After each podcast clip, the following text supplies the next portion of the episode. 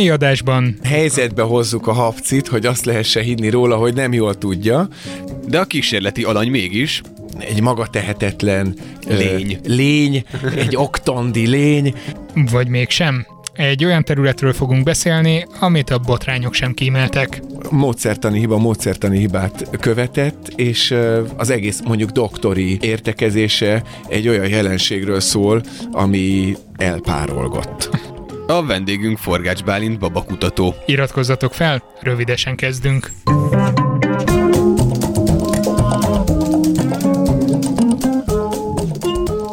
Sziasztok, én Robi Laci vagyok, Én pedig Habci.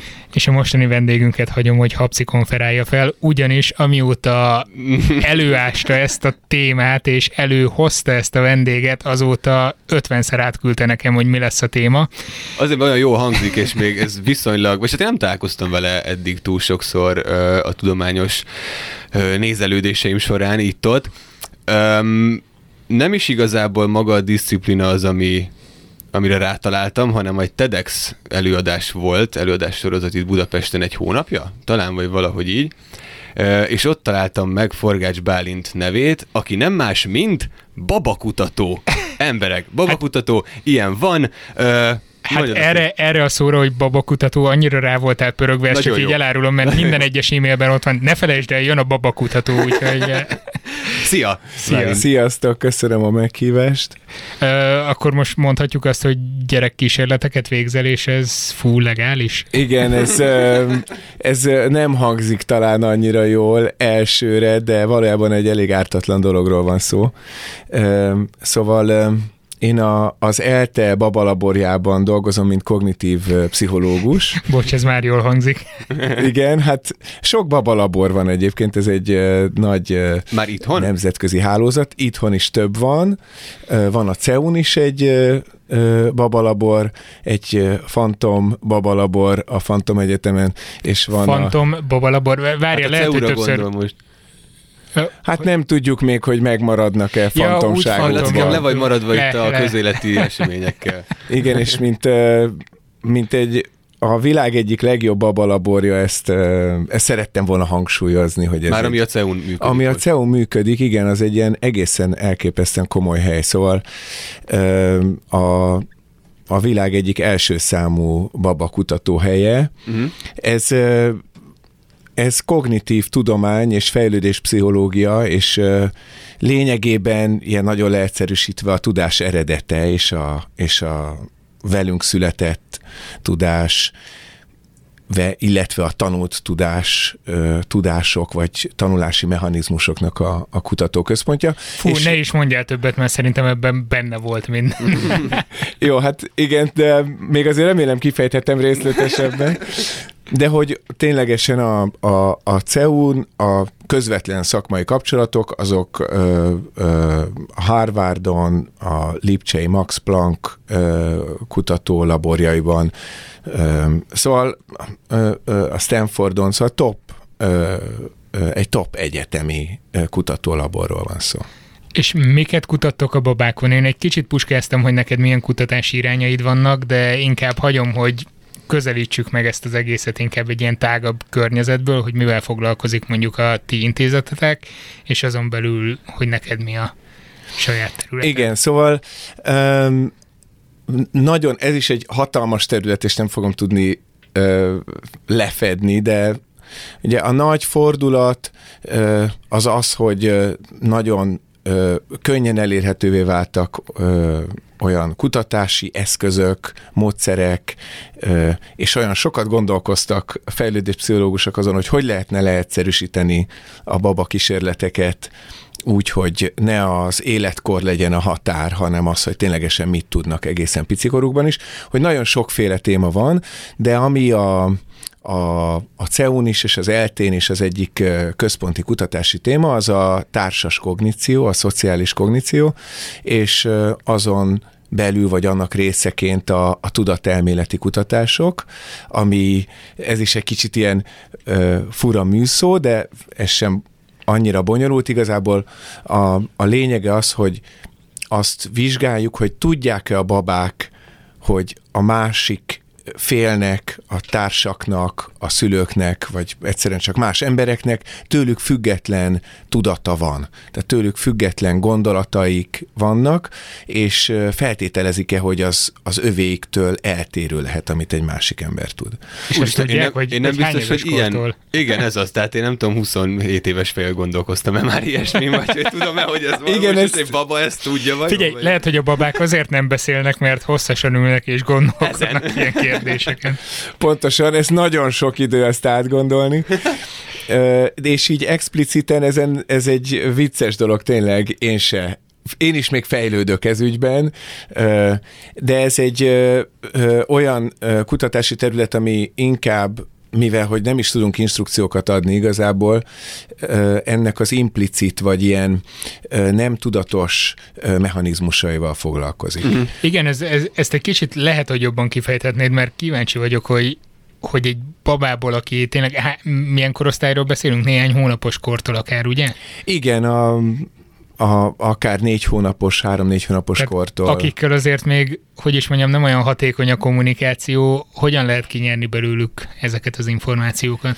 Igen, hát ehhez kellett az, hogy nagyon sokat ö, ö, fejlődött az, hogy hogyan tudjuk a babáktól ezt megkérdezni, hogy a szemmozgás követő rendszereket használnak. Ja, hogy alapvetően technológiai dolgok járnak el mögött? Intellektuális dolgok is, mert az, ez egy nagy fordulat volt a pont ebben a tudatelmélet kutatásban, amikor végre valaki lerakott egy videót, és a nézési időt mérte mm. a nagy paradigmatikus tudatelmélet kísérletben, ahelyett, hogy megkérdezte volna a babákat, illetve hát a, a gyerekeket. Aha.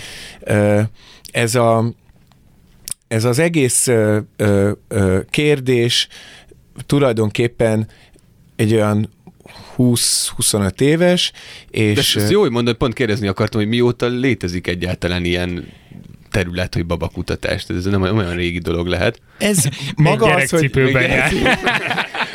Igen, pontosan, de azért ennél régebbi, csak most van egy nagy felfutása ennek. Most van az, hogy majdnem minden komoly egyetem akar magának babalabort. Szóval most egy ilyen, egy ilyen hullám tetején vagyunk, de... Most léptek szülőkorba azok a kutatónők, akik annak idején elkezdték a tanulmányaikat, és kell nekik a gyermekmegőrzés. Hát azért gyermekmegőrzést nem vállalunk, ez sajnos nem így működik de azért jó programokat próbálunk a babáknak nyújtani, szóval ezek ilyen általában videók, bábozás, meg ilyesmi, szóval ebből a szempontból ártatlan semmiféle Nem, orvosi vizsgálat nincs, vagy. igen, csak hogy ezek valójában ilyen ját, játékos helyzetek, és hát a babakutatás azért visszanyúlik Piagéig lényegében, aki egy nagyon híres francia fejlődés pszichológus, aki az elsők között volt, aki tételesen dokumentálta, hogyan nőnek fel a gyereke, és ebből egy csomó nagyon nagy hatású elméletet dolgozott ki, és tulajdonképpen... Ami sok megdőlt azóta. Igen, de még mindig egy csomó minden, és csomó mindenki az ő köpönyegéből bújik ki, mert a kérdésre, amiket felvetett, lehet, hogy nem mindig adott jó választ, de de a kérdés az itt van velünk. Aha. Arra mi se tudunk ö, sok kérdésre jobb választ, vagy jó választ, vagy ez nyitott nyitott. De ez nagyon fura, hogy a gyerekek ott nőnek fel szinte mindenki előtt, és viszonylag későn kezdtek el ezzel a témával foglalkozni, hogy mégis hogyan nőnek. Hát igen, mondjuk ez már jó pár évtizede volt, de hát ebből a szempontból, vagy mondjuk tudománytörténeti szempontból a pszichológia maga sem egy túl ügyes tudományág. Úgyhogy ez mondjuk attól is függött, sok mindennek kellett együtt állni ahhoz, hogy érdemes legyen a babákkal foglalkozni, ilyen tudományfejlődés vagy tudománytörténet szempontból. Szóval amit mondtál, hogy ott játszotok a gyerekekkel, báboztok nekik, stb. közbe követitek mondjuk a szemmozgást, hogy tudtok ebből infót kinyerni, hogy mit gondol a gyerek? Igen, hát következtetünk, szóval mindig egy lépés Kicsit jobbra nézett, kicsit jobbra nézett. Igen, mondjuk meg kell csinálni sok babával, és mindegyiknek egy kicsit jobbra kell nézniük, és mindegyiknek szisztematikusan kicsit jobbra kell néznie.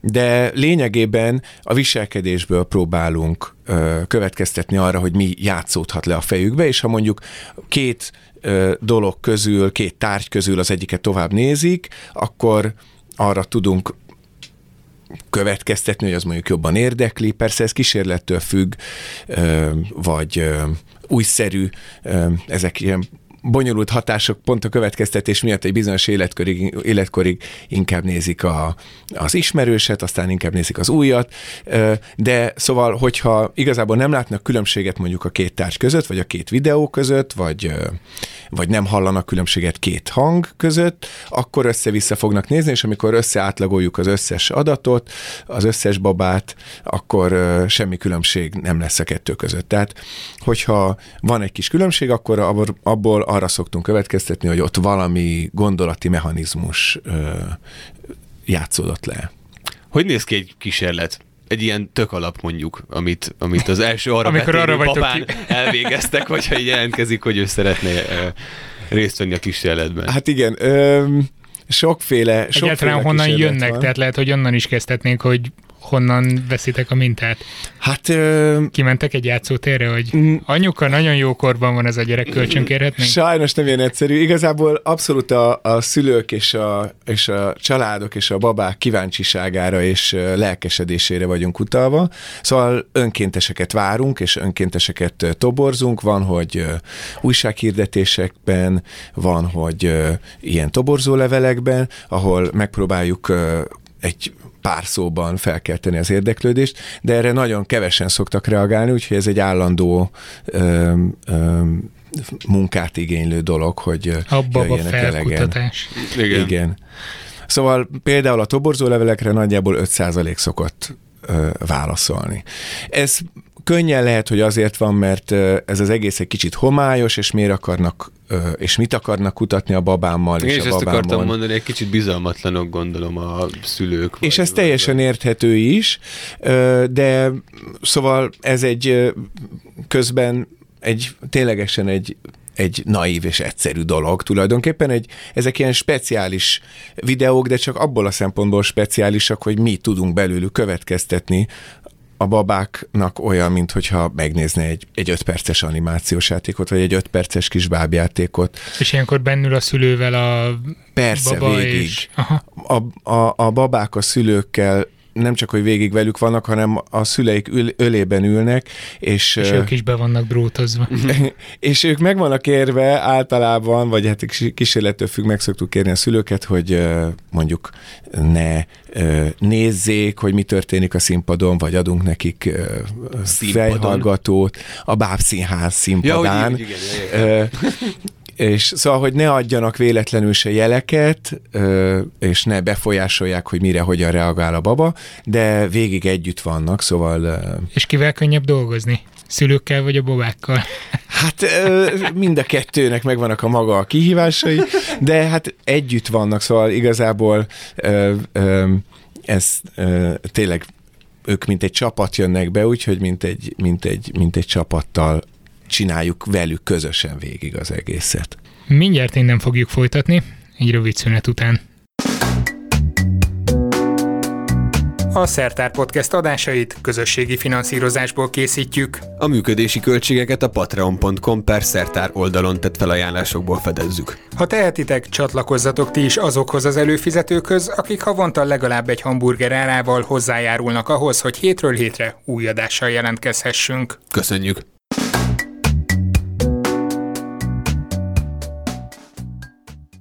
A szünet előtt babákat kutatunk, vagyis hát még nem, de a Bálint mindenképp, aki itt ül velünk a stúdióban. Nekem az jutott eszembe a szünet alatt, hogy neked hogy jött az ötlet, hogy ilyesmivel foglalkozz egyáltalán? Én eredetileg felnőttekkel kezdtem kutatni, metaforák agyi feldolgozását. És te pszichológus vagy eredetileg. Igen, pszichológusként végeztem, és Mondjuk ez se egy nagyon érdektelen téma, a metaforák. Igen, erről is szívesen mesélek majd. és ö, ö, a CEUN pont, amikor egy ösztöndíj után hazajöttem, nyitva ö, volt egy postdoc pozíció, ez ilyen a doktori képzés után egy ilyen a, az állandó munkahely előtt ilyen ösztöndíj rendszer, és ott jelentkeztem, és végül is akkor ott dolgoztam két évet, mint ilyen posztdoktori kutató. Mm-hmm. És akkor tanultam meg a módszertant, akkor négy hónaposokkal dolgoztam, és alapvetően társas viszonyok és kommunikáció, és tulajdonképpen most arra sikerült úgy valamelyest közelíteni ezt a két témát, hogy nyelv, mint a metafora, és a babáknál a babákkal kapcsolatban elsajátított módszertannal, vagy módszerekkel hogyan lehet a nyelvfejlődést és a társas kogníciót együtt a babáknál vizsgálni. Ez azért érdekes, mert most végeztem egy kis terepszemlét, vagy terepgyakorlatot. Ugyanis itt Bálint Judit kolléganőnkkel beszélgettem egy kicsit arról, hogy mire tud visszaemlékezni, amikor a gyermeke cseperedett fel, és nekem is volt néhány történetem máshonnan. Van gyereked, Laci? Nem, nem tudok róla. És ugye ez nagyon szórakoztató szokott lenni az, amikor a szülő először találkozik azzal, hogy a gyerek kicsit mást ért mondjuk egy metafora alatt, mint ahogy a gyerek. Ami, ami neki eszébe jutott, hogy a kislánya nagyon-nagyon sokat nevetett azon, hogy eszett tokja, amikor rászól, hogy ez miért kell az eszének tokja legyen, és és hogy egyáltalán miért ilyen szitokszóként használják, amikor ez egy tök vicces dolog. De mi az akkor, amikortól a gyerek elkezd így különbséget tenni a között, hogy itt ezt úgy kell értenem, ahogy mondják, vagy itt valami átvitt értelmű jelentés van? Ez egy nagyon jó kérdés, még a tudósok sem tudják biztosan. Jó, köszönjük de szépen. annyi, annyi körvonalazódik, hogy az a fajta ilyen ö, nagyon explicit ö, ráismerés, ö, mondjuk, vagy rutinos használata a szólásmondásoknak, vagy a, a kettős jelentéseknek, az egy ilyen kamaszkor elején, kiskamaszkorban indul. Ez mondjuk egy kicsit ilyen... Ó, oh, én azt hittem hamarabb. És egyébként pedig a nyelvben a rendkívül gyakori és hétköznapi metaforikus kifejezések, mint az ilyen idiomatikus kifejezések, hogy eszett tokja, ezt, vagy hogy ragyogó ötlet, ezt olyan négy éves kortól már nagyon jól kezelik. Mármint, hogy mondják, vagy használják ezt, és tudják, hogy mi van mögötte, vagy pedig csak mondják, és, és nem tudják feltétlenül, hogy mi van Na, mögötte. Eznek a, ezek azok a részletek, amit, amit nem ami még kérdés tulajdonképpen, de... Jól tudnak hazudni a kisgyerekek, hogy... igen, de aztán néha meg nagyon elrontják. szóval... Ez is igaz, igen, igen. Ez... Most az, az jutott eszembe hirtelen, az Indexnek volt egy ilyen videója, amikor szomszédok részeket mutattak kisgyerekeknek, és volt benne az, hogy lefagyott a számítógép, és akkor hűtsünk vele valamit, a gyerekek megnézték, hogy de buta, hát nem is, nem is azt jelenti, hogy lehűl. Tehát azért csak van fogalmuk. Na jó, nem folytatom. Igen, de csak. abszolút van, és nagyon sok fogalmuk van, és az például, amikor egy ilyen, egy ilyen már teljesen konvencionalizálódott kifejezés, mint az eszet tokja, az így elhangzik, és ezzel a gyermeki kíváncsisággal ők tényleg részekre szedik, akkor nagyon hasonló dolgokat csinálnak, mint én, mert én is próbálom, én is így próbálom szétszedni a, ezeket a kifejezéseket, és hogy ezek ö, ö, ezeknek sokszor történeti oka van, hogy miért pont így vagy úgy mondunk valamit, de mindenképpen szórakoztató, és egy jó nyelvérzékű gyerek is ugyanúgy örömét leheti benne, mint egy bármelyik felnőtt, aki szereti a költészetet, igen. És arra van valami elképzelésetek, hogy oké, okay, hogy nem lehet megmondani, hogy pontosan hány éves korban mit, mit ért ez alatt a gyerek, de a, az előfordulhat, hogy egy gyerek még nem is tud esetleg beszélni, de már van valami fogalma arról, hogy a szülő mit hogy ért? Hát pont ez igazából a nagy kérdés, amivel foglalkozom. Na, te is nem akarsz babakutató lenni igazából? Ne, Nagyon jó a kérdés. Tehát... És egyébként innen van egy áthallás a metaforákhoz is, noha egy távoli, hogy valamit mondunk metaforikusan, és akkor az nem szó szerint jelent valamit, hanem a szituatíven, és a, az én aktuális kutatási projektem pedig az, hogy egy kommunikációs helyzetben 14 hónapos babák számon tartják-e azt, hogy a másik, a társ, az tőlük függetlenül érti, vagy félreérti-e a nyelvet. Tehát az elhangzott ez, szavakat. Ezt, egy, ezt, ezt hogyan?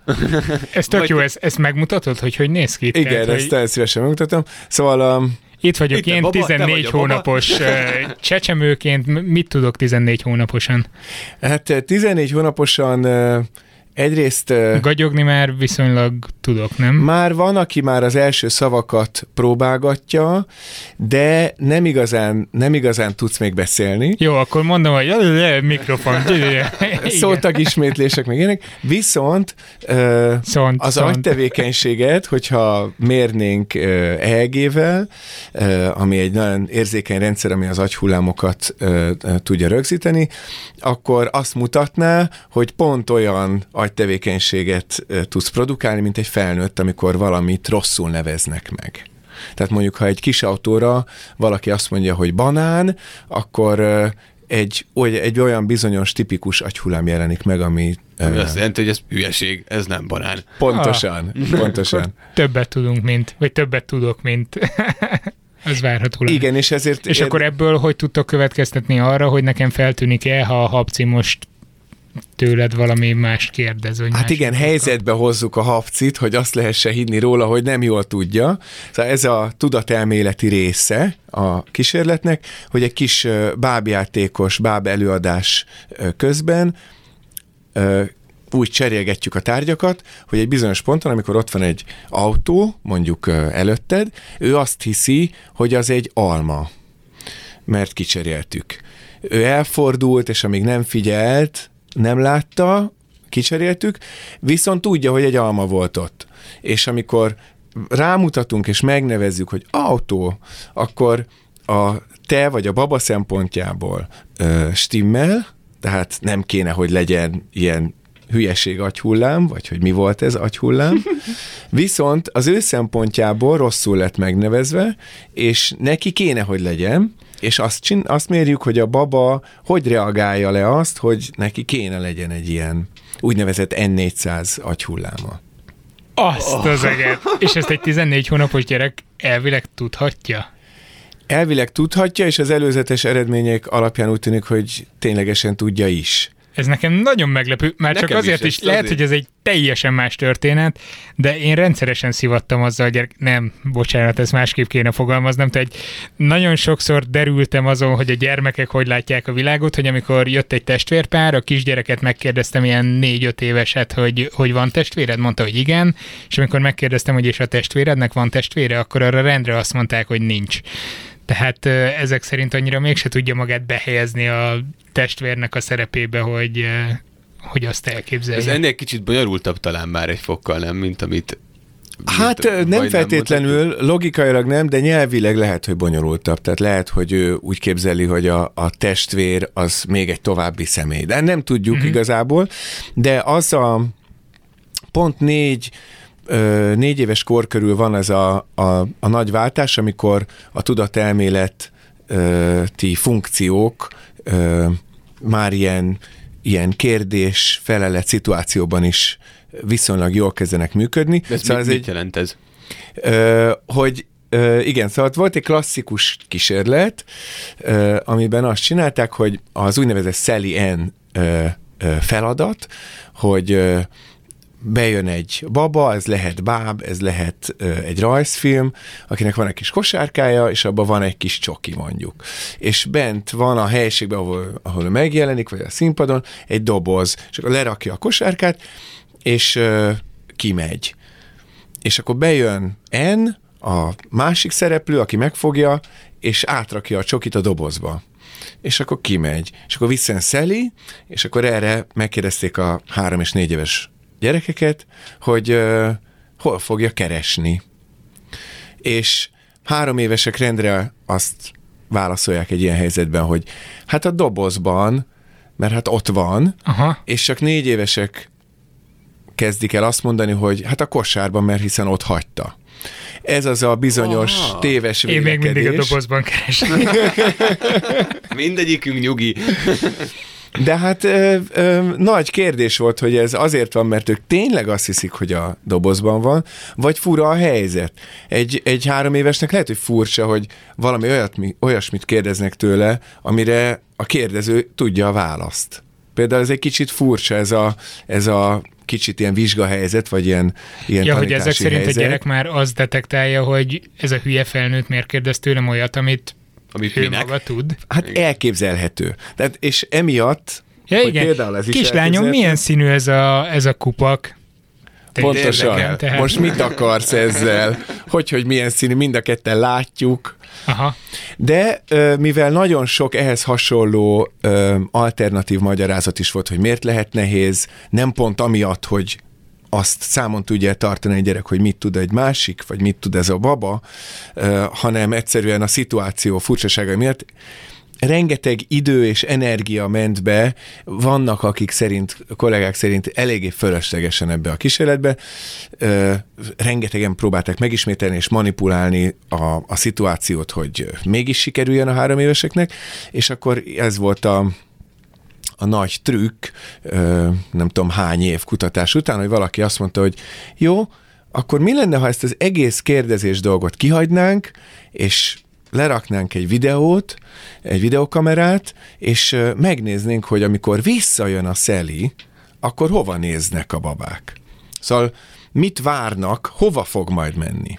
Mm. És akkor kiderült, hogy nem, hogy a három évesek, de a 18, és aztán később kimutatták, hogy a 13 hónaposok is ö, egyből a kosára néznek, és azt várják, hogy a kosára fog menni, tudják, hogy Ah. ő más tud.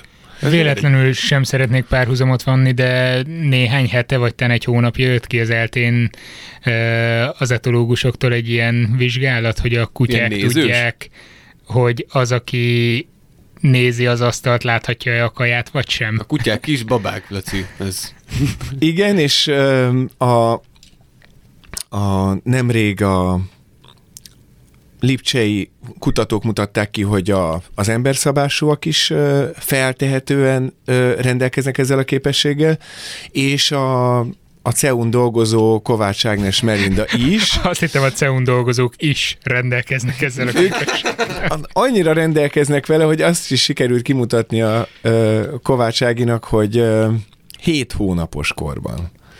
Azt az egész. Ezek természetesen ezek ilyen ö, annyira vad eredmények, hogy ilyenkor még kell egy pár év, amíg mások megismétlik. Igen, ezt akartam kérdezni, hogy mennyire, mennyire unikálisak ezek, tehát hogy erre rájött valaki még a világon rajtatok kívül, vagy, vagy ezek ilyen nagyon új és nagyon egyedi dolgok? Hát a, a Kovács Ági cikke az egy nagyon komoly science publikáció volt, amit nagyon sok Tehát ti ember jöttetek rá, ne szépítsük, vagy ne csordítsuk a dolgot. Igen. ő jött rá. Úgyhogy ez, ezzel a kísérlettel ő abszolút ott van ennek a kutatási kérdésnek az élvonalában. Viszont itt mondtál még egy mondatot, ami szerintem nagyon érdekes lehet, különösen néhány évvel ezelőtti események tükrében, a megismer, megismételhetőség kérdése, ami a, valahogy úgy tűnünk, mintha a pszichológusokat, pszichológus kutatókat sokkal jobban, ha nem is sújtaná, de, de tenné próbára. Hát most botrány van. Igen, Éppen igen. Én már- nem akartam ennyire durván eh, fogalmazni. Ez egyértelmű, hatalmas botrány van a szakmában. Ugye volt ez a nagy összefoglaló cikk, ahol száz kísérletet próbáltak számos laborban megismételni, és az derült ki, hogy nagyjából 60%-át nem sikerült Reprodukálni. reprodukálni a kísérleti eredményeknek, és ezek neves szaklapok voltak, és nagy kutatóközpontok, úgyhogy ez egy, ez egy nagy, hát át a szakma tulajdonképpen leforrázva, és a nagy konferenciákon, hatalmas szekciókban vitatkoztak aztán arról, hogy mit kéne csinálni, hogy lehetne ezzel javítani. Így bízzon az ember a pszichológusokban. Így bízom az ember a Mindig is ezt mondtam pszichológusokban. már régóta. Figyelj, a csokit se a kosárba rakják, hanem átrakják utána a dobozba. Már De azért ezt- keresem. Hozzá kell tenni, hogy ez nem a pszichológusok ö, ö, kizárólagos problémája, hanem ez az akadémiai, jelenlegi akadémiai, kutatási és publikációs rendszernek az egyik ö, ö, kellemetlen következménye részben. De ez... hát nem akarom a felelősséget elhárítani. Itt nyilván... A babák hibája amúgy. Egyébként a másik nagy, és közelebbről, a babalaborokat közelebbről érintő botrány idézőjelben, az egy... Volt ilyen is. Ilyen is volt. Egy kulturális antropológiát tanuló diák terepmunka gyanánt a babalaborok babalaborokat választotta, és két laborban is asszisztensnek jelentkezett, és ott egy komoly antropológiai kutatást folytatott arról, hogy hogyan, ö, milyen módokon félig, vagy egyáltalán nem megengedett módokon is akár ö, tologatják az eredményeket úgy, hogy a P-érték, a híres szignifikancia szint P-érték, az bemenjen a 0,05-ös szint Tehát alá. ilyen lebuktató arc volt, aki ezt Abszolút, akarta? egy nagyon komoly ö, lebuktató arc, és nagyon sokat használt igazából mind a kettő botránya a szakmának lényegében. Sokat használt idézőjelben. Nem, ezt halál komolyan, ez rövid távon kellemetlen, de valójában senki ja. se, ö, szóval senkinek sem ajánlom azt, a, vagy kívánom azt az érzést, amikor az egyik ilyen ö, nagy ö, összeomlott elmélet ö, kutatójaként szembesül azzal, hogy tíz év jó. munka, és hiába voltak ott a review-k és a metaelemzések, módszertani hiba módszertani hibát követett, és ö, ö, az egész mondjuk doktori értekezése egy olyan jelenségről szól, ami elpárolgott. De ilyenkor teljesen elpárolog egyébként, vagy, vagy csak nem biztos, hogy annyira alá lehet támasztani azokkal a az eredmények. Laci, te is csaltál valahol valamit? Mi nem, én a... soha. Nem, ez egy, ez egy, nagyon, látta, ez egy láttam én olyat, kérdés. hogy hát lehet egy heurisztika, hogy kijön valahogy, de azért nem, ja, nem persze, feltétlenül persze. azon a ez így is, így is úgy is alakulhat. Volt, van példa arra, hogy ténylegesen kiderült, hogy az a hatás nem létezett. A lényeg az, hogy, hogy vannak olyan jelenségek, amik ténylegesen abszolút eltűntek. És szóval, hogy abban az értelemben, hogy ha elég szigorú és elég szisztematikus hogy milyen feltételeknek kell megfelelnie, akkor azok az eredmények, amik pozitívak, azok kiesnek, marad néhány nagyon gyenge eredmény, marad néhány cáfoló eredmény, és amikor összerakja az ember, akkor ha tekintetbe veszi azokat a különféle változókat, akkor lényegében a hatás teljesen elhanyagolható. Nagyon elkanyarodtunk itt botrányiparba. nem, nem ez volt a célom, Becsó. Kanyarodjunk inkább vissza a kutatásaidra, amikor mondtad, hogy szeretnéd, ha így összefonódnának az egyes irányok, amit, amit képviseltél. Mi neked a jövő? Mi az, ami kutatási célként meg Lebeg. tudnál fogalmazni? Lebeg?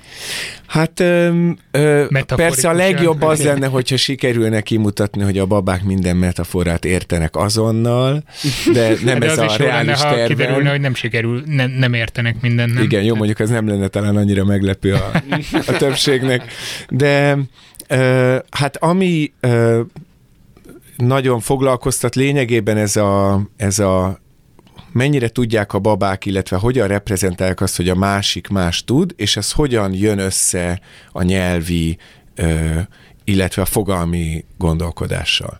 Tehát, hogy mik azok a, a, az apró jelek, amikből már a babák is egy csomó olyan következtetést vonnak le, ami a kommunikációt lehetővé teszi, és ebbe, ehhez hogy kezdik a, a nyelvi jeleket használni, illetve a fogalmi gondolkodást használni.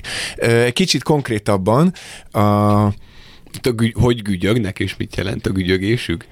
Például, Nagyjából? például a, a Ceun Gergely Györgyel, Günther Knoblichjal és a Lipcsei Max Planck kutatójával Joseph Kollal együtt dolgozik Dan Sperber, így négyen szerezték meg az Európai Unióban elnyerhető legnagyobb kutató pénzt, és Sperber, aki egyébként egy francia antropológus, kognitív tudós és nyelvész, egy nagyon nagyszabású gondolkodó, egyik elméletében a nyelvről azt vetette föl, hogy tulajdonképpen rengeteg következtetésre van szükségünk ahhoz is, hogy a, a hétköznapi kifejezéseket megértsük.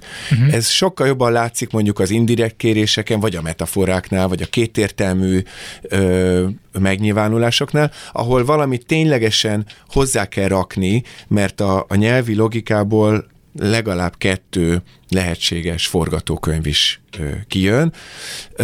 Mondjuk az ide tudnád adni a sót, nem arra utal, hogy ez a készség megvan-e, vagy ez a képesség megvan a másikban, hanem arra, hogy add már ide, légy szíves. És pedig vannak nagyon vicces emberek, akik erre azt válaszolják, hogy oda tudnám.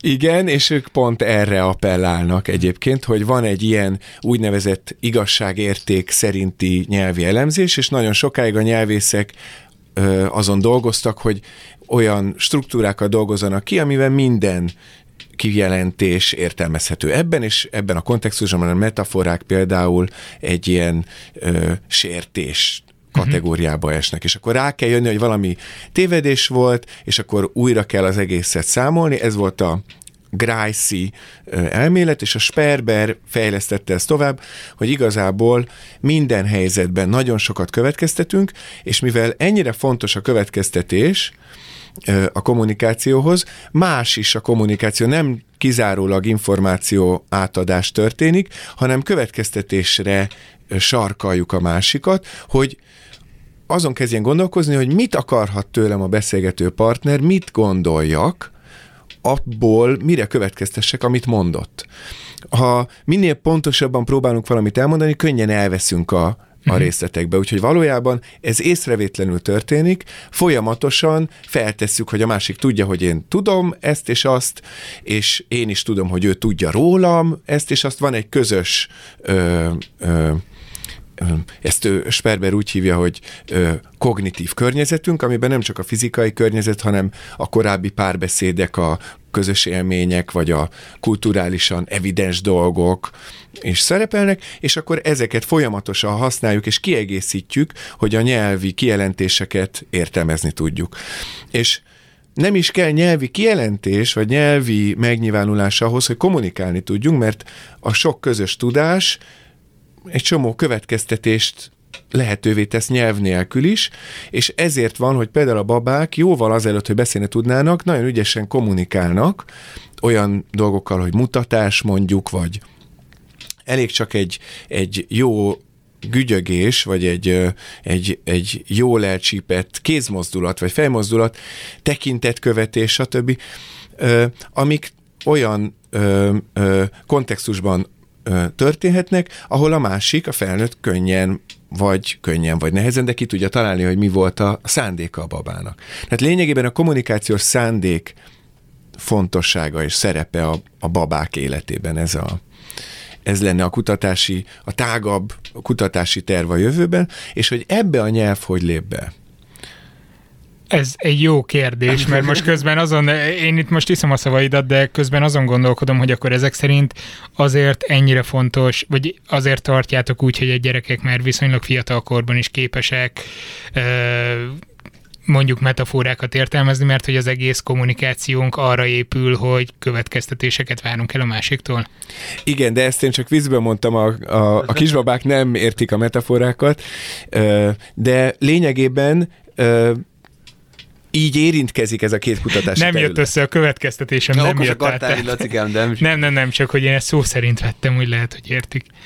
Igen, de ö, ö, pontosan nem tudjuk, hogy, hogy ö, milyen mechanizmusokat használnak, és ebben a kísérletben is, amit most a babákkal csinálunk, amiben van ez a tárgyrejtés és tárgycsere, és hogy a, a megfigyelő, aki szembeül a babával, ő valamit ö, ö, nem pontosan tud, vagy a baba szempontjából jó a megnevezés, de az ő szempontjából nem. Ebben a helyzetben is tulajdonképpen két jelentés jelenik meg. Az egyik, ami a baba fejében van, ami az ő szempontjából stimmel, hogy ott van egy autó, amire azt mondtuk, hogy az egy autó, viszont ott van egy második jelentés is, ami a másik fejében van, aki azt mhm. gondolja, hogy ez egy alma, és hogy a az almára mondtuk rosszul, hogy autó, tehát itt is megjelenik két nyelvi ö, jelentés tulajdonképpen. Nem tudjuk, hogy ténylegesen az agyi mechanizmusok is pont ezt mutatják-e, de ö, ö, ezért van szükség további kísérletekre, hogy ezeket felderítsük. Ez volt a te szempontod, tehát, hogy Igen. szerinted merre felé mennek tovább a dolgok, de most feltennék egy olyan kérdést, amit tudom, hogy utálni fogsz. Így globálisan mi haszna van ezeknek? Ugyanezt akartam kérdezni. Habci, kérdezz meg, légy szíves. Így globálisan mi haszna van ezeknek? Nagyon jó kérdés, köszönöm. Alapkutatásoknál ez mindig egy remek kérdés. Igen. Hát egyrészt nincs haszna, Hát a, a kérdés az, uh, talán a Csibra Gergőnek és a Gergely Gyurinak, akik kidolgozták a természetes pedagógia elméletét, ami szintén egy nagyszerű, nagyon izgalmas elmélet. Uh, a, a haszna egy ilyen uh, utilitarista, uh, ilyen mondjuk milyen uh, közvetlen nyereséget ad ez a társadalomnak, nagyon nehezen mérhető rövid távon. Ha az idői perspektíva évtizedek, akkor viszont alapjaiban változtathatja meg azt, hogy hogyan viszonyulunk a babákhoz. Ez lényegében hogyan neveljük a babákat. Hülye gyerek, úgyse érti, amit mondunk. Ez például egy több száz éves ö, gondolat igen, és igen. mondat, ha nem több ezer, vagy több tízezer, és ö, azok a például azok a korai vizsgálatok, amikben úgy tűnt, hogy a babák tényleg semmit se tudnak, azok arra mondjuk kondicionálhatóak a babák, de, de nagyjából a percepció és a mozgásfejlődés az kitölti az idejüket, amíg el nem kezdenek beszélni, az egyúttal azt is megakadályozta, hogy egyáltalán kérdéseket tegyünk föl. És viszont minél többet tud egy baba, annál jobban oda kell figyelnünk arra is, hogy hogyan, mit csinálunk a környezetében. Ne a gyerek előtt, ne a gyerek előtt. Akár. De szóval, hogy a nevelési szokások és a gyerekekhez való viszonyunk, illetve a tanítási ö, ö, ö, szokások változhatnak meg hosszú távon.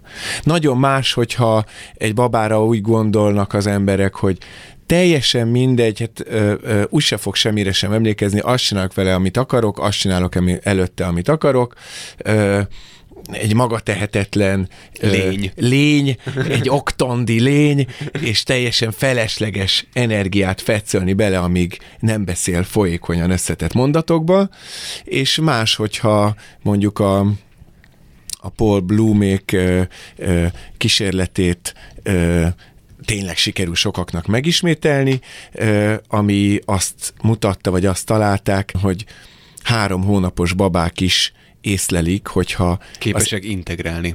Hogyha egyébként az agyuk lehet, ezt, erről... Bocs, bocs, nem akar. De hogy, hogyha egy kis bábjelenet során a, a, a, a kenguru báb figura megpróbál kinyitni egy dobozt, és őt akadályozza egy maci, vagy segíti egy maci, akkor... Vigyázz, kenguru mögötted! Pontosan, és a Vitéz Jánosig bezárólag az összes lehetséges kombinációban. De már három hónaposan inkább nézik azt, amelyik segített, mint amelyik akadályozott. És hát egy három hónapos baba nem nagyon tudja tartani még a fejét.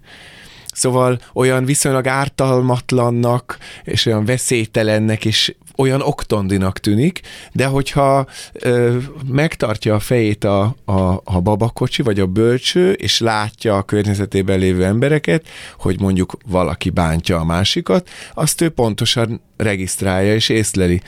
Úgyhogy ez például ö, nagyon fontos lehet abból a szempontból, nem csak abból a szempontból, hogy mondjuk atipikusan fejlődő babáknak jobban tudjunk segíteni, hanem abban is, hogy ténylegesen ö, ö, lehet, hogy bizonyos dolgokat sokkal hamarabb el tudnak kezdeni ö, megérteni, megtanulni, hogyha nem nézzük butának őket, illetve lehet, hogy más dolgokat meg nem kell feltétlenül belepréselni a fejükbe, mert maguktól magukba szívják, amikor ö, készen állnak erre.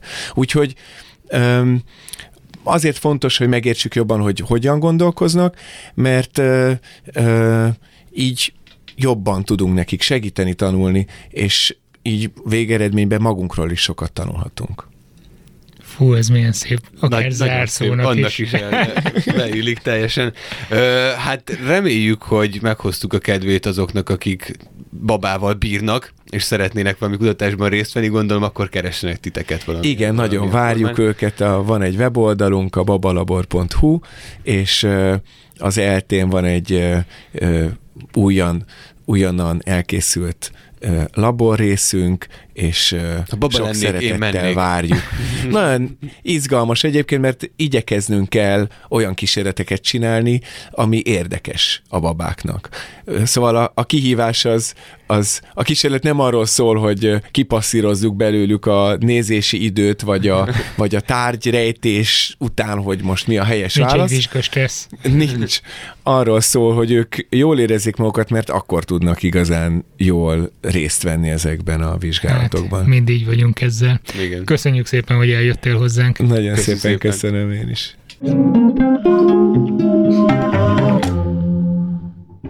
Na jól van. Ö, akkor ez az utolsó hírkvízünk most egy ideig? Igen, úgy néz ki nagyon. Mert hogy van egy bejelenteni valód a hallgatók felé. Igen, bejelentem ezennel ünnepélyesen, hogy én eltávozom ö, az nem Amerik- az élők sorából. Igen, illetve nem az élők sorából, hanem Amerikába megyek meglátogatni apámat. Ez egy ilyen három hetes kis kiruccanás lesz. Ami nem irigylünk egyáltalán. Jövő hét július, jövő héten július 13-án kezdődik, az kedden. Ezt nagyon elrontottuk. Mert? Azt kellett volna mondani, hogy Habci, a hírkvíz nyereményed egy három hetes amerikai út. Nem lenne akkora meglepetés. tekintve, mert Játszatok velünk ti is. Igen, szóval elmegyek, aztán majd július 5-én jövök vissza, úgyhogy um, akkor leszek megint. ha- Úgyhogy rám hárul itt a ö, podcast erre az gyártási időszakra. feladat, Igen. Úgyhogy ö, vicces lesz majd kérdéseket feltenni magamnak. Saját magadnak. De egyelőre El még neked kérdezhetek. Akkor kezdem én. Nem tudom, emlékszem, meséltem neked arról, hogy a kutyámat, a mirgát leszoktam vinni, és mindenféle, nem mindenféle, de egy bizonyos fajta madár megtámadja. Ó, én is madaras kérdést hoztam, de, de mondjad, mondjad ezt a madarasat. I- Igen? Jó. Öm, szóval leszoktam vinni, ott lakok a 11. kerületbe, a Petőfit környékén mindegy, ö, és ez ilyen parkos rész van ott a lakótelep környékén, és laknak ott mindenféle öm, varjuk, dolmányos varjak. Oké, okay, az én kérdésem is Hasonló, hasonló lesz? területen nem ennél sokkal jobb. Jó. Kíváncsian várom a tiédet. Szóval dolmányos varjak, de és valamiért olyan furcsán viselkedtek vele. Mindig így rászálltak, így megtámadták, csipkedték, nem tudom, és ez ilyen állandóan történik ez a dolog. Tehát azt hittem, hogy ez egyszer-kétszer, nem tudom, idegesítik, meg bosszantják, de aztán aztán abba hagyják, de nem, és valahogy követnek minket ilyen több háztömnyire ezek az állatok, és folyamatosan csesztetik szerencsétlen állatot. A kérdésem viszont nem a dolmányos varjukra, hanem egy közel rokonukra, a hollókra fog vonatkozni. Megijedtem, oké, okay, rendben van. Mehetünk tovább? Persze. Jó. Korvusz nem betartoznak mind a ketten, közel rokonok, és azt is tudjuk, hogy eléggé ö, okos, intelligens madarakról van szó. Dobálják a kavicsot a vízbe, hogy ki tudják emelni a belehullott tárgyakat. Val- volt Többek valami közt, többek közt igen. ilyen is van, de most, meg, most tettek egy újabb megfigyelést velük kapcsolatban. Mi volt ez? Á, Na, Hát képzeld el, kérlek szépen, Laci, hogy pont ez, hogy bizonyos egyetek bosszantják a kutyákat, macskákat az ilyen lakóterületeken, dióval, faágakkal dobálják őket, vagy különböző eleségekkel, hogyha arra a területre tévednek, ami, a, ami az ő, hát nem tudom, territóriumok éppen. Viszont érdekes, hogy van egyfajta preferenciájuk, bizonyos méretű és színű kutyákat csesztetnek csak. Ö, pont Mirgát, aki egy ilyen foltos mudi. egy hát ilyen fekete középes termetű, igen, igen, akármi, és nem tudják pontosan, hogy, hogy miért csinálják ezt, de ez egy újfajta viselkedés, amit, amit Aha. észrevettek náluk. A hollóknál, nem a dolmányos fejüknál. Vagy B.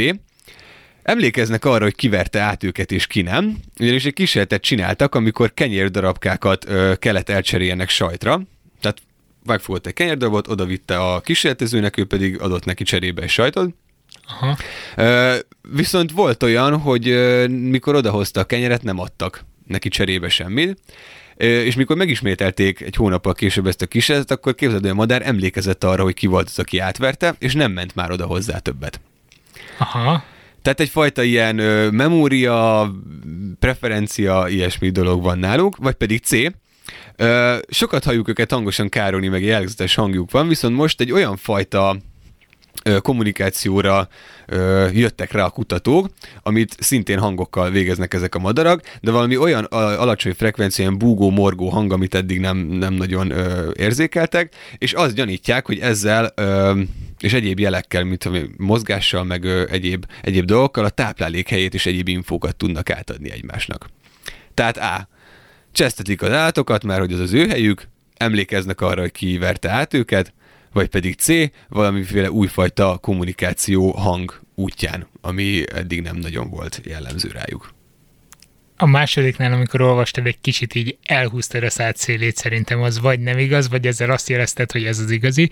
Te ilyeneket nézel Én, hogy én most már, most már mindenedet ennyire próbálom figyelni. kiélezett a verseny, hogy most már ilyenekre is figyelni. Hát figyelj, szerintem te nagyon megpróbáltál engem félrevinni Mirgával. Gondolod? Igen, meg különben se ugyanaz a faj, meg az, hogy most amerikai kutatók leírnak valahol valamit, hogy tanulnák meg a dolmányos varjak itthon, amit mondjuk az amerikai hollók csinálnak, mondjuk YouTube-ról mondjuk lehet, hogy ők is Ezt felmennek. nem is mondtam, hogy aztán- amerikai kutatás, ezt miből gondolod? Ja, Egyébként nem tudom, most nem, de egyébként valószínűleg igen, de nem vennék rá mérget. jó, mindegy, ezt kizárom. Jó. Mert hogy ott, ott nekem nagyon gyanús volt, hogy ez a körítés emiatt volt. Jó. A második, hát szerintem ez akár még logikus is lehet, de, de ezt nem figyelték meg korábban, hogy, hogy tanulnak a varjak, bocsánat, hollók. Tehát szerintem De és NASZ-nak véled ezt a... nem, hanem szerintem ez egy olyan dolog, ami, ami lehet, hogy tök régóta ismert, és azért nincs újdonság ereje, és emiatt nem igaz. Az infrahangos dolog az, az egy tök izgalmas. A B-t jelölöm meg. Oké, okay, tehát azt mondod, hogy emlékeznek rá, hogy kivert át őket. Emlékeznek. Jó. A mirgás dolog, valóban kitaláltam, de annyira mindig csesztetik szerencsétlen kutyát, megőrülök tőle, de így. Aha. centikre repülnek el a fejemtől, nem tudom miért csinálják. Lehet, hogy téged csesztetnek csak nem, nem, de rám ott meg van. nem, tehát engem mindig elkerülnek, mikor, ö, mikor vele megyek. A C sem igaz, nincs ilyen hang, legalábbis nem tudom, hogy, hogy van-e, viszont a B a helyes, úgyhogy eltaláltad, és eltaláltam. tényleg elhúztad a szád szélét, amikor ezt olvastad. Akkor van egy pontom. Így van. Na, akkor nem kanyarodunk el túl messze a madaraktól. Jó, helyes. Hitchcock következik, nem. A korszerű állatkertek egyik fontos feladata a veszélyeztetett fajok védelme. Igen. Nem csoda, hogy a budapesti állatkert szinte egy emberként ugrott a levegőbe, amikor múlt héten öt fióka is kikelt a Geronticus eremitáknál. Mekkora szenzáció. Fogalmat sincs, hogy mik ezek, Rohadtul mindjárt nincs. megmutatom, és sajnálom, hogy most nincsen kamera a stúdióban, mert szeretném látni az arckifejezésedet, és mindenkinek megmutatni ezeket a gyönyörű madarakat. Wow! Úristen! Mi ez az Hát- ocsmányság? Konkrétan tarvarjaknak hívják ezeket, Aha. eszméletlen, bocsánat, hogy ezt mondom, eszméletlenül ronda állatok, tehát Szerintem így, így megijedek ronda. tőlük. Uh, Habci is megijedt, így lehetett látni az őszinte arc kifejezését. Viszont nagyon ritka veszélyeztetett fajról van szó, és szerencsére itt Budapesten is, meg az országban még egy-két állatkertben vannak ilyenek, és működik ez a faj mentő program. Ma ezek az állatok csak Észak-Nyugat-Afrikában, Kis-Ázsiában és közelkereten fordulnak elő a természetben egyre kisebb számban, de a 16.-17. századig Európában, mi több, Herman Otto szerint még Magyarország egyes részein is előfordultak. Ez az ocsmán jószág. Ez az osmányjószág. Be fogjuk linkelni, ne izguljatok.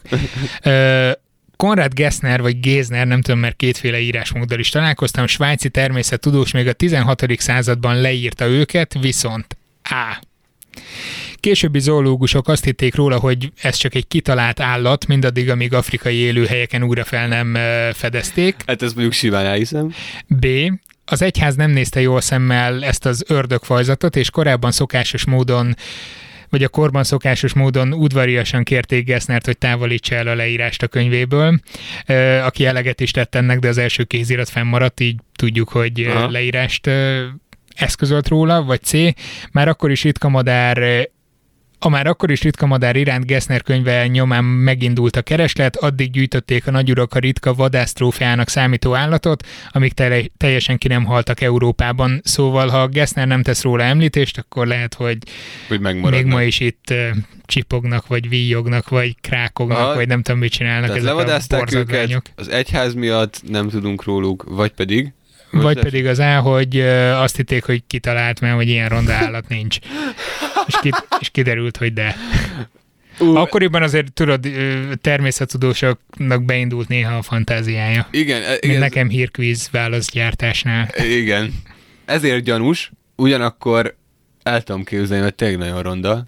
Tehát A. Kitalált állatnak vélték, később beigazolódott, hogy nem. Ez az B. egyházas... Az egyház az ördög megjelenését látta benne, és nem 17. örültek ennek a... beszélünk? Ö, 16. század. Aha. Vagy a C, hogy pont az ő könyve nyomán indult meg a kereslet, és szó szerint a hajtóvadászat. Hát én nem hiszem egyébként, hogy tehát mi célra lenne ezeket levadászni azon kívül, hát ronda. trófea, hát De hát ki akar egy ilyen ritka, offline és hát mondjuk ez igaz. szobájában nézegetni. Úgyhogy ezt kizárom. Jó, Mondjuk nem tudom, hogy meghúztad a szádat, miközben olvastad, azt nem figyeltem. most így húzogatom a számot. Rohamot kapsz. Öm, én meg fogom jelölni az át. Tehát, hogy azt Nem. hitték, hogy, hogy kitalált. Jó, igazad van. Egyébként a fővárosi állatkert honlapjáról szedtem a hírt, és ott említették egy ilyen félmondat erejéig, hogy sokáig kitalált állatnak gondolták, Hát de nem aztán csodálom. Hát ez... Észak-Afrikában megtalálták, úgyhogy Mutasd megint. Mert most elrapoztál? nem lapoztam el, de Jó, mindegy. tessék, itt van. Ú! Egy eszméletlenül ronda jószágról van szó. Egyébként nagyon érdekes, hogy a fi- e, megpróbálom leírni egy ilyen fekete tollas jószág, de a feje lényegében csupasz, mint akit leforráztak. De nagyon érdekes, most fióka nincs itt előttem, de a fiókák viszont teljesen tollasak. Azok még, azok még szépek. Úgyhogy így, hát az- azt azért nem mondanám, de jó, úgy látszik, hogy most dívik itt az állatos kérdések sorozata. Én folytatnám egy ilyennel. No. illetve részben az. A Cambridge Egyetemen mesterséges intelligencia használatának egy egészen új felhasználási módját találták ki. Mérőmókussal. Melyik igaz? Na, A. Az állás interjúkon a féle hazugságteszt, hogy mennyire valódi infók szerepelnek az önéletrajzban, ez most úgyis aktuális. Ö, A cucc figyeli a reakciókat, és érdekes módon a Microsoft állásinterjúinak adatbázisából ö, azt adták neki, mint ilyen alapanyag. Ö, Videózták ugye a résztvevőket, Ö, és azt tudja ez a dolog, hogy szól az interjúztatótnak akkor, hogyha valami olyasmit mond a, az alany, ami nem szerepel az önéletrajzba, és valami csúsztatás, vagy hazugság, vagy ilyesmi lesz. És érdekes módon az esetek felében működött jól ez a dolog, tehát egészen, aha, egészen, egészen használhatónak bizonyult. B. Itt jön az állatos rész. A birkák fájdalmának a felismerésére hozták létre, ugyanis egy adag fotót tápláltak be ennek a programnak, öm, ami mindenféle olyan ö, birka volt, ami valamilyen fájdalom hatása alatt állt, úgy nézel rám, Laci. nem, ez... Ö, különböző, különböző ö, ilyen fizikai jellemzők, a szem, fül, orrnak a, a, az éppen ahogy hogy állt éppen a füle vagy az orra, az alapján ö, lehetett ezt megállapítani, hogy van valamiféle fájdalom vagy nincs. És képzeld el, hogy ezt 67%-os pontossággal meg tudta mondani a program, hogy ez a birka most éppen szenved vagy És nem. ezt hogy ellenőrizték, megkérdezték a birkát, és mondja, hogy igen, most itt a bal lapockán, vagy a... Hát volt valami olyan tudva, leg, tudva legleges valami, nem tudom, problémája, amit tudom, körömfájás, vagy akármi, ami, ami látható volt. És ez a találati arány pontosan ugyannyi, mint az emberek esetében, tehát ugyanannyira tudta a gép is el, elmondani, hogy az most Aha. fáj neki, vagy, vagy valamelyik um, izé, vagy pedig C. Washingtonban az orvosi marihuána termesztésben használt ö, dolog ez, ugyanis ö, figyeli a növényeket érő hatásokat, miközben növekednek, víz, fény, mindenféle egyéb kémiai, fizikai jellemző. A cucc az ideális ö, minőség elérése érdekében pedig úgy állítja be ezeket a paramétereket ott a termesztő helyen, hogy a növényből egy tökéletes ö, ö, cucc növekedjen ki. Orvosi céllal. Orvosi célra természetesen. A kísérletben ö, előre regisztrált növények adatait adták ennek a, a cuccnak, meg volt adva, hogy melyik pontosan milyen, ö, nem tudom, kémiai összetevő volt a földjében, milyen volt a levegő hőmérséklete, stb. stb. És ennek alapján ő kitalálja, hogy az adott növényt pontosan hogy kell éppen táplálni. Tehát A. Állásinterjú, B. Birkák fájdalma, C. Orvosi fű. Ö, állásinterjút kizárom. Miért? Hát miért ne? Második kettő sokkal érdekesebb. A... Ez jó kérdés. Szerintem az ilyen nagyon precíziós növénytermesztés, most függetlenül arról, hogy direkt vagy függetlenül akartam. attól, hogy, hogy miről van szó, ez tök jó felhasználási terület. Az, hogy most egyedileg növényekre nézzék, vannak ilyen rendszerek, ahol ahol tudnak azért egy csomó mindent érzékelni, és az alapján mondjuk tápoldatot juttatni, vagy levegőztetni, vagy valami, de nekem a birkás, ez nagyon tetszik, ez a fájdalmas dolog. De ennek mi értelme lenne? Hát állategészségügyi, nem tudom, Zoli, ha hallod ezt az adást, kedves zállatorvos, nézd meg, hogy Ú, tényleg neki kéne valamit erről. Már ha igaz. jelöljük meg a füvet. A füvet? Miért ne? Az a legabszurdabb. De a birkás tetszik a legjobban. Jó. Tetszik. B. Lacikám, döntsd el. B, B mint birka. B, mint birka, jó. Állásinterjú hülyeség. Jó. De szerintem meg tök jó. Tehát ez lehet, hogy ennek lenne valami értelme, nem tudom miért. Nem. Valószínűleg, hogy Kamusztál most az állásinterjún? Habci egyébként aktívan állás keres, tehát ha, ha valaki állást szeretne neki ajánlani, akkor... Akkor, akkor meg kamuzok előtte majd az állásinterjún. Ö, nem nagyon egyébként nem jellemző, de mindegy, szerintem ez érdekes. Eltaláltad egyébként, nem csigázlak tovább. Tehát B, valóban a birkák fájdalmának a ellenőrzésére hozták ezt létre. Csak azt nem értem, hogyha ugyanolyan pontosan tudja megmondani, mint az ember, akkor mi értelme van? Automatizálni lehet a folyamatot, vagy hamarabb is felismerheti esetleg? Nem ja, tudom, lehet, tehát, lehet, hogy- lehet, igen, de mindegy, ez a, ez a, ez a helyes válasz egyébként. Ez jó. Meg az elején azt mondtad, hogy kapcsolódik a te kérdésed, tehát azzal már is így kvázi elárultad a Hát csak arra akartam utalni, hogy lesz itt is valami átos. Ö, Lehet elszóltam magam, mindegy. a, hogy babakutatás témakörénél maradjunk, és ugye a 3D megfigyeléseknél is. A várandós anyák esetében már kis mennyiségű alkohol elfogyasztása is hatással lehet a babák arcának fejlődésére, mutatták ki ausztrál kutatók. 1570 kismamát vontak be a vizsgálatokba, 25, 27%-uk vallotta be, hogy időnként azért Lecsúszik ele, egy-két ele, kortyolgat egy kis itókát. Uh, hangsúlyozom, hogy itt nem masszív alkoholistákról van Persze. szó, hanem uh, tudod, néha, néha azért megisznak egy, egy pohár bort, vagy valami ilyesmi. A magzati alkoholtünet együttes egyébként már korábban is ismert volt, most ez a kutatás kifejezetten arra koncentrált, hogy egész kis mennyiségű alkohol is hatással lehet. A világra jött kisdedekről 3D fotókat készítettek, de úgy rendesen körbefotózták őket, 70 ezer pontot rögzítettek minden gyermek uh-huh. arcán. Ezután elkezdték elemezni ezeket az adatokat, tehát ezt ki lehetne számolni, hogy 1570 gyerekből 70 ezer pont gyerekenként az sok, gigantikus adatmennyiség.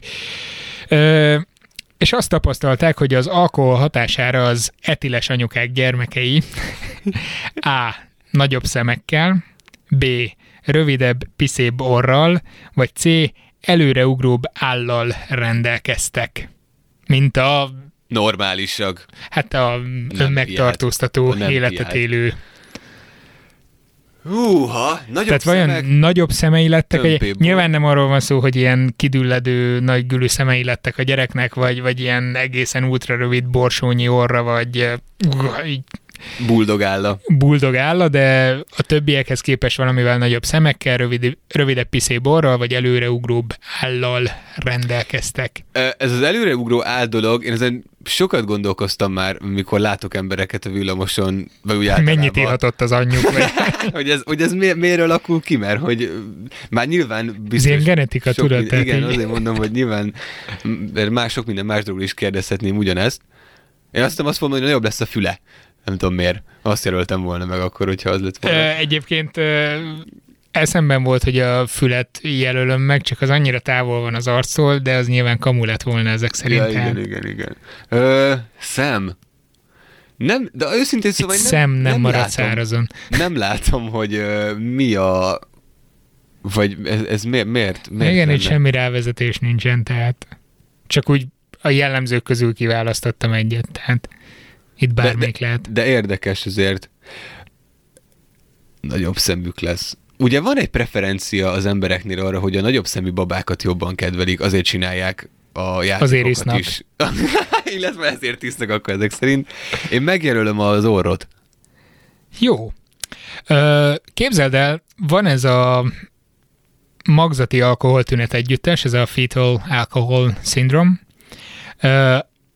aminek hatására, aminek valóban van hatása a szemekre, ilyen zártabb, kisebb szemei lesznek a Oh. világra jövő gyermeknek, Igen. tehát ezt ennek ellenpólusaként dobtam be ide, tehát nem ez az igaz. Te a B-t jelölted meg, de nagyon sokat vaciláltál az előreugróbb állnál. Ja, és azt kell Amit kitaláltam, és el nem bírok képzelni egy gyereket előreugró állal, úgyhogy rövidebb piszébb orr nagyjából így, Ez az. lehetne összefoglalni. Ez az. Vannak egyéb jellemzők is, és azt azért a kutatók is leírják, hogy nagyon korai lenne riogatni az embereket, hogy ezek szerint, ha megisznak egy pohár bort a terhesség alatt, Nem lesz akkor, amikor akkor hatalmas probléma lesz. Nyilván mérsékletességre szólítják fel a, Persze. vagy mértékletességre szólítják fel az anyukákat, de ezer meg ezer más tényező is szerepet játszik, és ezek olyan nüansznyi kis különbségek, amik így megfigyelhetők, de azért valamennyi hatás mm. látszik a mérsékelt alkoholfogyasztás hatására is. Kisorú embereknek sokat ivott az anyjuk. Hát nem, mert az, az nagyon rövid időn belül azt egyéb Persze, tényezők persze. kompenzálják, tehát Viccelek nem erről van szó, csak az újszülötteknél megfigyelhetők bizonyos változások, hogyha nagyon-nagyon sok adathalmazzal dolgozol, akkor statisztikailag valamit azért ki lehet mutatni. Igen, igen, igen, igen. Ott nyilván normalizálni kell arra, hogy mi a gyereknek a neme, a súlya, a genetikai háttere, meg minden, úgyhogy Érdekes. Viszont azt remélem látod, hogy minden kérdésre, tehát te is mindéket eltaláltad, meg én is. Vagy nem? egyre jobbak vagyunk. De De a füvet jelölted meg, és a birka. Nem, nem, birkát Birkát jelöltem jelölte. meg végül. Jó, akkor viszont ke- szereztünk mind a ketten. Igen, csak én pontot. most, most beiratkoztam egy ilyen hazugságvizsgáló tréningre. Tényleg? Ugye, de hogy? Jól megy pedig. De ez, ez lesz a következő, hogy csak a testbeszéded alapján fogom megmondani, hogy Egy hónap múlva lesz ez, vagy legalábbis három hét. Jó utat neked. Köszönöm szépen. Ö, ti pedig iratkozzatok fel Facebookon, Youtube-on, Instagramon, és azon a podcast alkalmazáson, ahol hallgattok általában minket, vagy egyéb podcasteket, úgyhogy ha feliratkoztok, semmit nem kell tennetek, szombaton már ott is lesz az új adás, mindig a készülétek, készüléketeken. Majdnem be tudtam fejezni ezt a mondatot. Sziasztok! Hello!